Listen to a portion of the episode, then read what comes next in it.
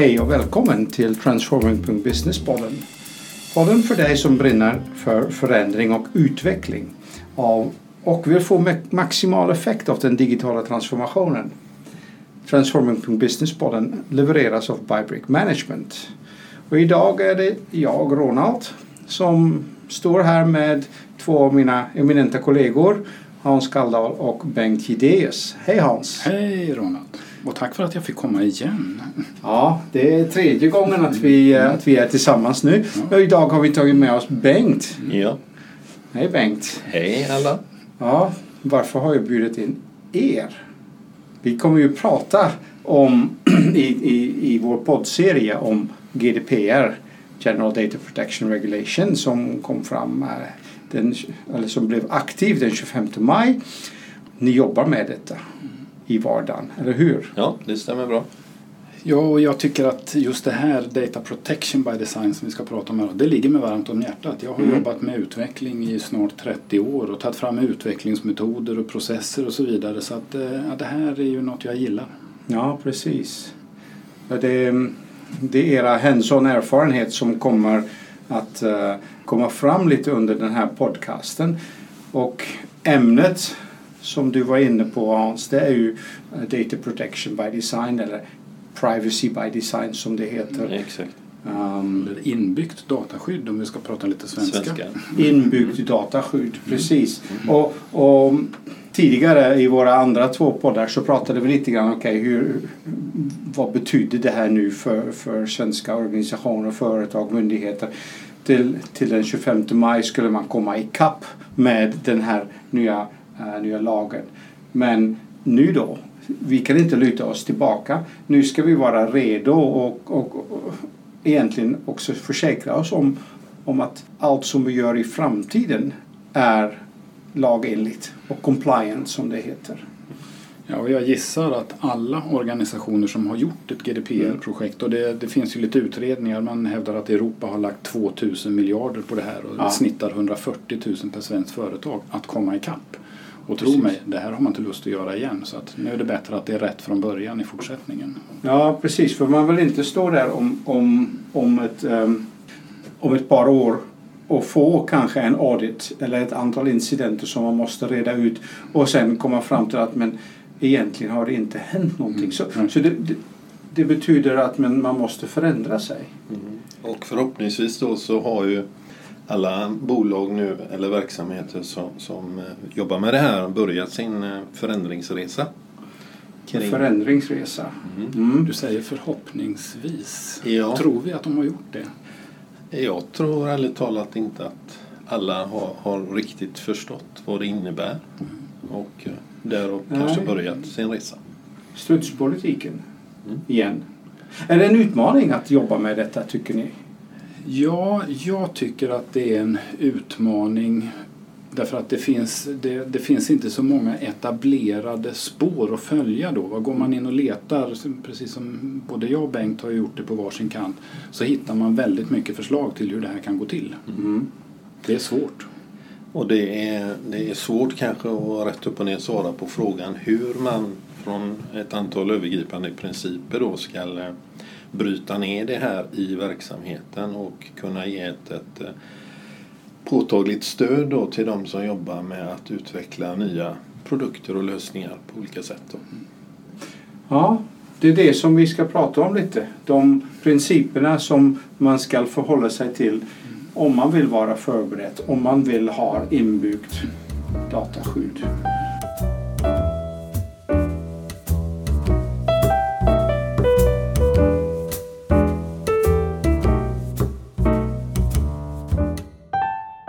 Okej, okay. så, så när vi pratar om den här förändringsresan så kan jag tänka mig att, att det, det kräver en, en annan insikt, en, en omställning just när det gäller att designa både, både sina processer, sina tjänster och de, de verktygen som man, man utvecklar i slutändan för, för att stödja det. Jag brukar tycka då att en av mina käpphästar det är ju någonstans att eftersom lagen handlar om relationen mellan en individ och en organisation Då Mm. måste Data Protection by Design den måste börja där organisationen möter individen, det vill säga i affären. Precis. Och dessutom är det ju så att eftersom lagen ställer höga krav så blir det dyrare att hantera personuppgifter. Det är inte vilka data som helst. Nej. Och då måste affären kunna försvara det.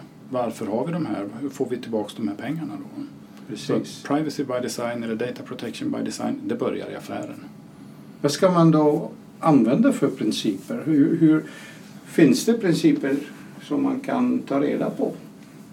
Det finns ju ett antal eh, mer eller mindre etablerade principer som man kan utgå ifrån. Och de är inte nya. De är inte nya, de kom någonstans eh, mitten 90-tal. Eh, Mm. Många av dem. Och, men de är ju på en övergripande nivå. Så att eh, det gäller att ta de övergripande eh, principerna och bryta ner dem för verksamheten. Då. Vad innebär det här i, i verkligheten eller i vår verklighet då? Så skulle du säga att, att som en, en organisation, en verksamhet, ska man adoptera ett, en sån, eh, ett, ett antal sådana principer för att kunna sedan föra över dem in, in i, sin, i sin utvecklingsverksamhet? Exakt. exakt. Mm. Mm. För, för kan du nämna eh, en princip som, som är viktigt att, att, eh, att arbeta med? Utifrån? Ja, Om man tittar på en av de mer kända uppsättningarna av principerna är ju från Anne Cavokian som var, var hon Information Commissioner i Ontario. När hon, Stämmer bra. Det är de här som är gamla då. Mm. Och ett par exempel då det är ju till exempel då Ensure Full Life Cycle Protection. Du måste hantera personuppgifter hela livscykeln från det att vi får dem till dess att de är borta helt och hållet. Då. Och en Mm. annan då User Centric Approach. Och Mm. Det brukar ju både jag och Bengt prata om. Det handlar ju om att visa respekt och ha ett etiskt förhållningssätt till personen som uppgifterna handlar om. Men hennes principer är ju på just den här höga nivån. För de svarar inte på hur man, hur, hur man gör det. Nej. Så, så hur ska man använda de principerna i, i sin organisation då? Eh, Sättet tycker jag då, det är på något sätt att titta på hur man då kan eh, bryta ner dem då i mer eh, handgripliga saker kring om då pratar eh, arkitektur, om vi pratar eh, utveckling av Mm. olika saker. Så gäller det att göra det konkret då för, för medarbetare som är på den nivån och jobbar. Så att man kan förstå kopplat till sin egen verksamhet. Vad är det egentligen vi ska åstadkomma här då? Eh, och att eh, när vi gör på det sättet då så ska vi ju på något sätt säkerställa då att, att eh, vi blir på så vis då compliant eller uppfyller GDPRs krav då. Mm. Och vad blir det konkret? Om man, om man utgår ifrån en sån, en sån princip och man bryter ner det. Hur, hur ser det ut konkret? Om man tittar på den här då Ensure Full Life Cycle Protection och den har ju en direkt motsvarighet i ett, ett exempel på en direkt motsvarighet i lagen är ju då eh, artikeln om lagringsminimering. Mm. Du får inte spara personuppgifter längre än de behövs och sen ska de antingen bort eller anonymiseras. Och då blir det ju om man tittar i sekvens då först måste affären bestämma hur länge måste vi ha kvar de här av Mm. affärsskäl. Ja. Och så säger de att ja, vi måste ha kvar dem i två år och sen ska de anonymise- anonymiseras för vi ska köra våran business intelligence. Ja. Då ska lösningsarkitekten titta på det här och säga ja, två år och sen anonymiseras och så nu visar det sig att vi väljer att implementera det här med molntjänster och 17 integrationer. Då ska arkitekten reda ut hur ska de försvinna i de här 17 andra systemen när de väl ska försvinna. Mm. Och sen i drift, det sista steget här nu, så måste någon se till att övervaka och logga att det faktiskt händer. För vi kan ju behöva påvisa att vi faktiskt har tagit bort saker och ting då, eller anonymiserat. Då. ja, precis. Så där får det, det är den kedjan som man måste gå igenom och egentligen för alla artiklar i lagen. Ja. Och hur många artiklar var det nu igen? 40? Ja, 40-45 som Mellan 40 och företag. 50 skulle jag Ja, vilja 40 säga. och 50. Där hamnar vi. Det är lite tolkning. Mm. Så, så att om jag köper ett nytt verktyg och det står den sista bullet i egenskapslistan GDPR compliant. Ja. Kan jag lita på det då? Ja, det är en bra fråga. Det här, jag hör ju hos kunder nu att nu börjar ju leverantörer ställa lite sådana här krav. En sak som vi har sett de senaste åren det är ju att i upphandlingar och annat så ställer man till exempel krav på ISO 27000 certifiering hos leverantörer. Och det är ju ganska lätt att skriva in i en upphandling. Det är komma ISO 27000. Ja, precis. Och det är ganska lätt att skriva komma visa GDPR. GDPR-compliant då. Och Ja. den frasen betyder ju en del då. Det är en fras som betyder en del och som vi var inne på förra, i, den förs, i det första avsnittet så pratade vi om, om de framtida lagar som, som, som kommer kring privacy och... Det kommer mer ja. Mm, Precis, Ja. det kommer mer så att egentligen det, det gäller att man, att man omfamnar de principerna och ökar insikten och mindset i, i organisationer. Är, är det det som, som är avgörande? Ja, Jag tror att mycket börjar i att man måste etablera ett nytt mindset, ett nytt sätt att tänka kring den här personliga datan som vi ändå är satta att hantera. Mm. Eh, så.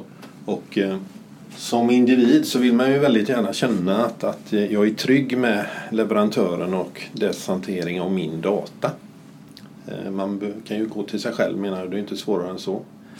Och då ställer vi automatiskt krav på Mm. dem vi har så att säga, relationer med att de hanterar det på ett bra sätt. Ja, precis. För det var du också inne på Hans, att det börjar i affären där, där kunden och, och företag och organisationer möter varandra. Men så, så då, då tänker jag ändå lite grann på ja, riskminimering och, och begränsning av de mängder med insatserna. Är det verkligen värt det att gå igenom alla de här 45 eh, artiklar?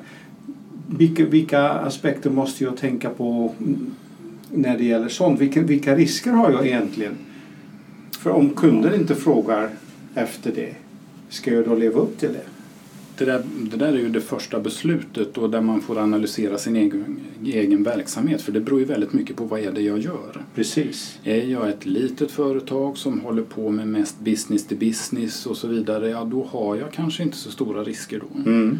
Och sen i andra ändan så har man de som levererar och sysslar med hälsodata. Då har man väldigt höga risker då. Så det är det första. Vad, hur svårt är det här för mig då?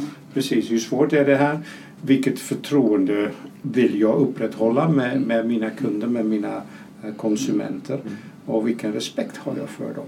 Och det är där man måste börja titta på det här med, med relationen då. Jag brukar säga att när det gäller en leverantör så är de kanske inte i första hand bekymrade över hur deras personuppgifter missbrukas. Det största bekymret en leverantör har det är ju att man, man ska försvinna som leverantör. Mm. Ja, så precis. De har ju liksom andra bekymmer då. Så att det, man, man ska inte vara helt vild då utan man ska göra en nyanserad och, och göra den här riskbedömningen. Vad, vad håller jag på med då?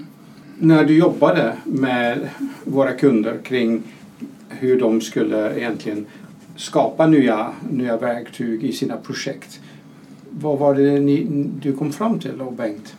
Det vi kom fram till då det var ju att eh, ta fram en typ av checklista om vi kallar Mm. det så. För att egentligen då eh, på utvecklingssidan eh, göra eh, folk medvetna om att de, de här kraven finns. Ja. Precis som Ja. vilket krav som helst på eh, en eh, lösning, produkt, vad vi nu än kallar det. Mm. Och redan då tidigt då ta med det in i, i eh, projektarbetet då.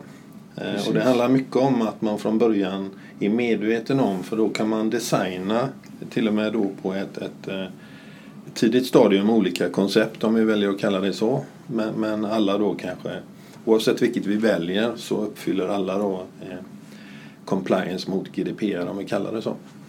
Precis, så att man redan i, i de initiala faserna av ett projekt tar med konsekvensbedömningar av, av det som man utvecklar gentemot datahantering, Ja. informationshantering, GDPR. Och det kommer ju att styra då vad som händer längre fram i det här projektet. Då. Det vill säga att Precis. jag måste ta hänsyn till de här sakerna. Det är inte förhandlingsbart utan jag måste Nej. hitta en lösning på det här.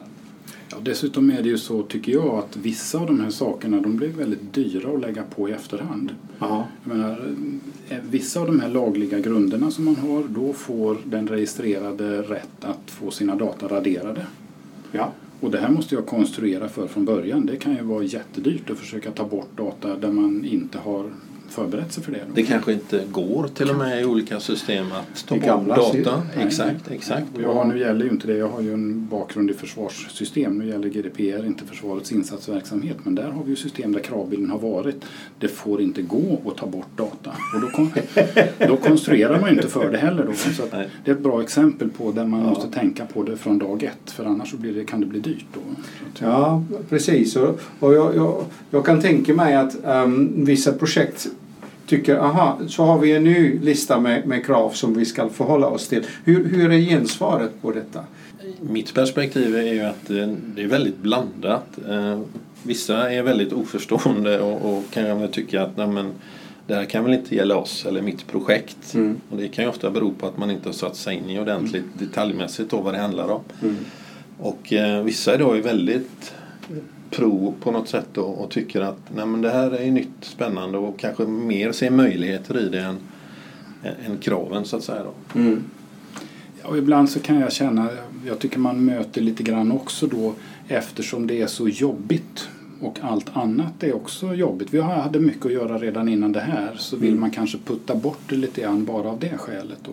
Det är riktigt. Men det, det är ju lite grann så, det är en lag, den gäller precis som bokföringslagar, miljölagar och så vidare. Det, Ja, och, vi var inne på det att, att det, det är inte otänkbart att vi kommer i ett läge där, där det blir ett, ett lika självklart redovisningskrav på att Ja. hur hanterar vi information och särskilt personlig information. Ja. Exakt. Och, och jag tror att det är, det är en omställning i, i att vi gör inte bara detta längre för att det går men för att vi, vi, ja, vi ser en verksamhetsnytta. Vi, vi, vi hittar till och med um, ja, växelpengar, win-win situationer. Ja. Man ska ju komma ihåg att det politiska budskapet bakom den här lagen är ju att den är nödvändig för att vi ska komma framåt med digitalisering. Ja. Om inte människor har förtroende för hur företag hanterar personuppgifterna så tänker de inte lämna ifrån sig personuppgifterna. Nej, På så vis är det ju en förutsättning då för att den här digitaliseringsresan då ska kunna växa vidare. Ja, Ja, jag märker det också i mina, i, i mina privata kontakter att det här med det finns ingenting som en gratis lunch. Att, det, att man börjar ta det alltså, in i sin egen situation. Aha, jag, jag, nu använder jag en gratis test här Mm. Men sen är jag förmodligen kedjat för livet. Ja, man ska ju komma ihåg om man nu är på en marknad med konkurrens att eh, om jag nu inte riktigt bryr mig så kanske det finns någon konkurrent som lyckas lösa det här. Att eh, hög respekt för personlig integritet och en bra produkt och då ligger jag ju efter om den här frågan blir viktig. Ja. Och jag tycker också där kan jag flika in med då att alltså om, om vi som leverantör på något sätt brister i förtroende och respekt eh, för, för individen så är det klart att eh, då kan jag ju faktiskt välja ett annat alternativ. Mm. Och det vet vi ju alla då att, att förlora en, en kund i slutändan då för att vi brister i det här det känns ju väldigt onödigt kan jag ju tycka. Mm. Jo, samtidigt så, och så vet vi också att, att många företag, särskilt företag, de har ju sin tre månaders cykel. Det är på tre månader att alla eh, skulder måste bli avbetalda och Mm. alla investeringar ska få en, en ROI. Och, och den här lagen den säger nästan motsatsen. Vi måste titta långsiktigt. Det här är ju jättelångsiktigt. Alltså vi pratade väl lite grann om det i förra avsnittet. Ja. Och det handlar ju om alltså när personuppgifter sparas då kan de ju sparas i tiotals år. Då. Så att, Och användas. Till och I med, lika- till och med längre. Ja, och användes under den tiden. visst, ja. Så det, det är ju på lång sikt det här gäller då. Och det, jag kan tycka det är ju bara en tidsfråga innan företagens revisionsutskott och revisorer måste börja titta på sköter ni det här nu så att vi inte har onödiga risker och annat. Då. Jag tror att, gissar att det är lite omoget än då. Och och då är vi tillbaka till varför ska vi då fundera på data protection by design eller Ja. privacy by design. Just för att undvika sådana krislägen för att kunna vara förberedda Yes. inför, ehm, inför framtiden. Mm. Och det visar sig en del incidenthantering nu när dataskyddsmyndigheter börjar titta på incidenter så är en sak de frågar efter på tidigt stadium det visa oss nu hur ni jobbar med det här. Och kan man inte visa hur man jobbar med data protection by design, ja hur ska man då göra trovärdigt att man har brytt sig då?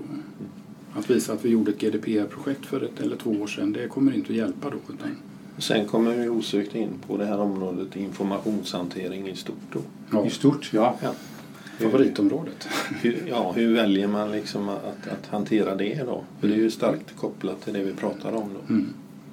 Att man har en struktur kring det där. Kan det här vara en katalysator till det?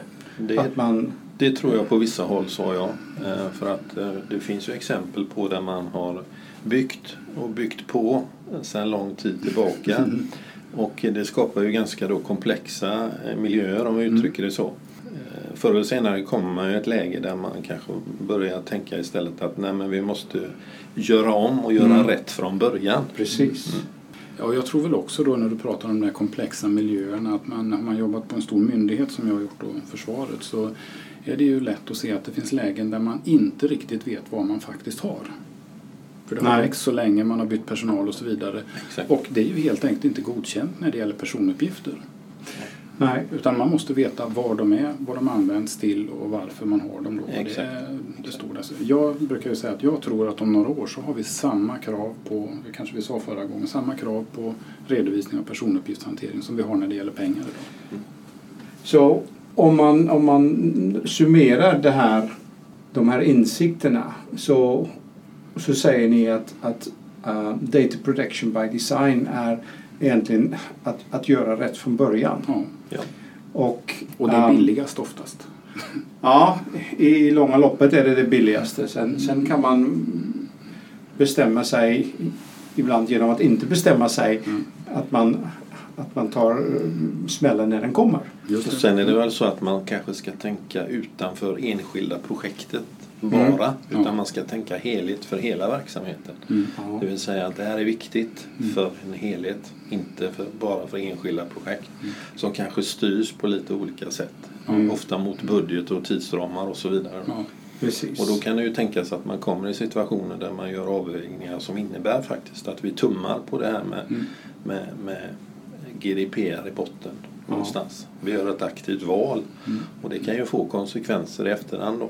Ja. Precis. Mm. Jättebra. Nu har vi nämnt ett, ett antal principer.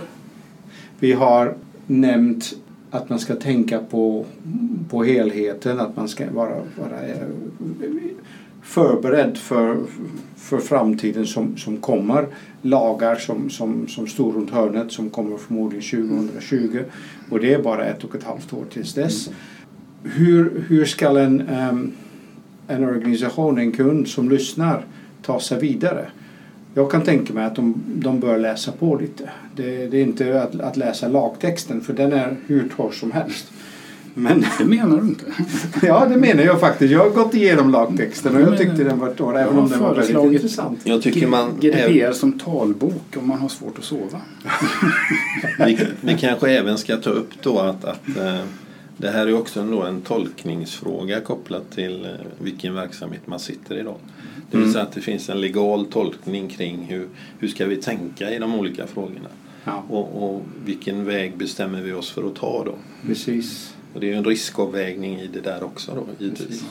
På den här sidan um, på bybrick.se um, ehm, slash management och sen under fliken transforming.business så finns den här podden givetvis. Kanske ni har hittat den där. Det ligger också en länk till um, en rapport från en, Enisa, en europeisk institut som har skrivit väldigt mycket om, om data protection. Yes. Visserligen är den rapporten på engelska. Um, jag vet inte om den är tänkt att översättas. Det har jag väl svårt att tro. Då. Ja, precis. Och vi har dessutom lagt ut eh, information om privacy by design från 90-talet så att man, man kan ha en liten um, hjälpreda när man börjar lyfta de här frågorna. Och Enisa-rapporten tycker jag är bra att börja lite grann. Den är ju väldigt lång, det är bortåt 50 sidor. Men det är lite grann som kunskapsbas då. Det är väldigt mycket referenser och de går igenom hur är kunskapsläget, vad finns det för olika Precis. alternativ där. Så att den, den är bra att gräva i. Mm, ja. Precis. Och sen är det ju alltid intressant att eh, besöka föreläsningar, träffa likasinnade. Um, Sen ska vi väl också flika in då att, att eh, det här huret, det vill säga hur vi bryter ner det, är det väldigt många som brottas med. Mm. Och Ja. det, det är inget lätt område att ta sig igenom, det är komplext. Men, men eh, jag tror att man, man ska eh, anstränga sig för att hantera det på ett vettigt sätt för det har man igen i slutändan. Ja, jag tror att utmaningen för många är mängd. Är man ett större företag så man känner att vi bara måste följa det här. Då, då är det ju det är som sagt det är 42 artiklar och eh, det enda sättet jag ser egentligen och det får ju säga emot Bengt här nu men det är att gå igenom de här artikel för artikel och säga att den här betyder följande i vår affärsutveckling. Det här måste vi ta hand om på det här sättet till lösning och så vidare. Mm. Sen är det inte alla som gäller alltid. Är man ett stort business to business-företag så är det kanske så att man inte har så mycket hälsouppgifter om barn så då faller det. Men Nej. Det är just att gå igenom alla de här och var för sig är de inte besvärliga. Det är mäng mängden jag tror är utmaningen för många. Det är mängden. korrekt. Mm. Och sen dessutom själva verksamhetskomplexiteten. Ja. De processerna man, man står inför. Sen är det väl så också att om man jobbar då med, med underleverantörer eh, av system och eh, lösningar i olika former så är det viktigt att ställa kraven även där. Mm. Så att vi inte lyfter in produkter då som inte uppfyller samma krav som vi har på oss själva. Och det blir ju i praktiken en annan checklista som man ställer ja, mot dem. Exakt. Och inte bara titta om de säger att de är GDPR compliant. Utan hur, hur Precis. man det i så fall. Ja, mm. det kanske blir någonting för um, en framtida podd. Vi kommer att prata om huret. Um, vi kommer till slutet. Jag vill tacka Hans och Bengt. Mm. Tack själv. Tack jag tycker det är väldigt intressant. Och uh, på återhörande. Mm. Tack och hej. Tack. hej.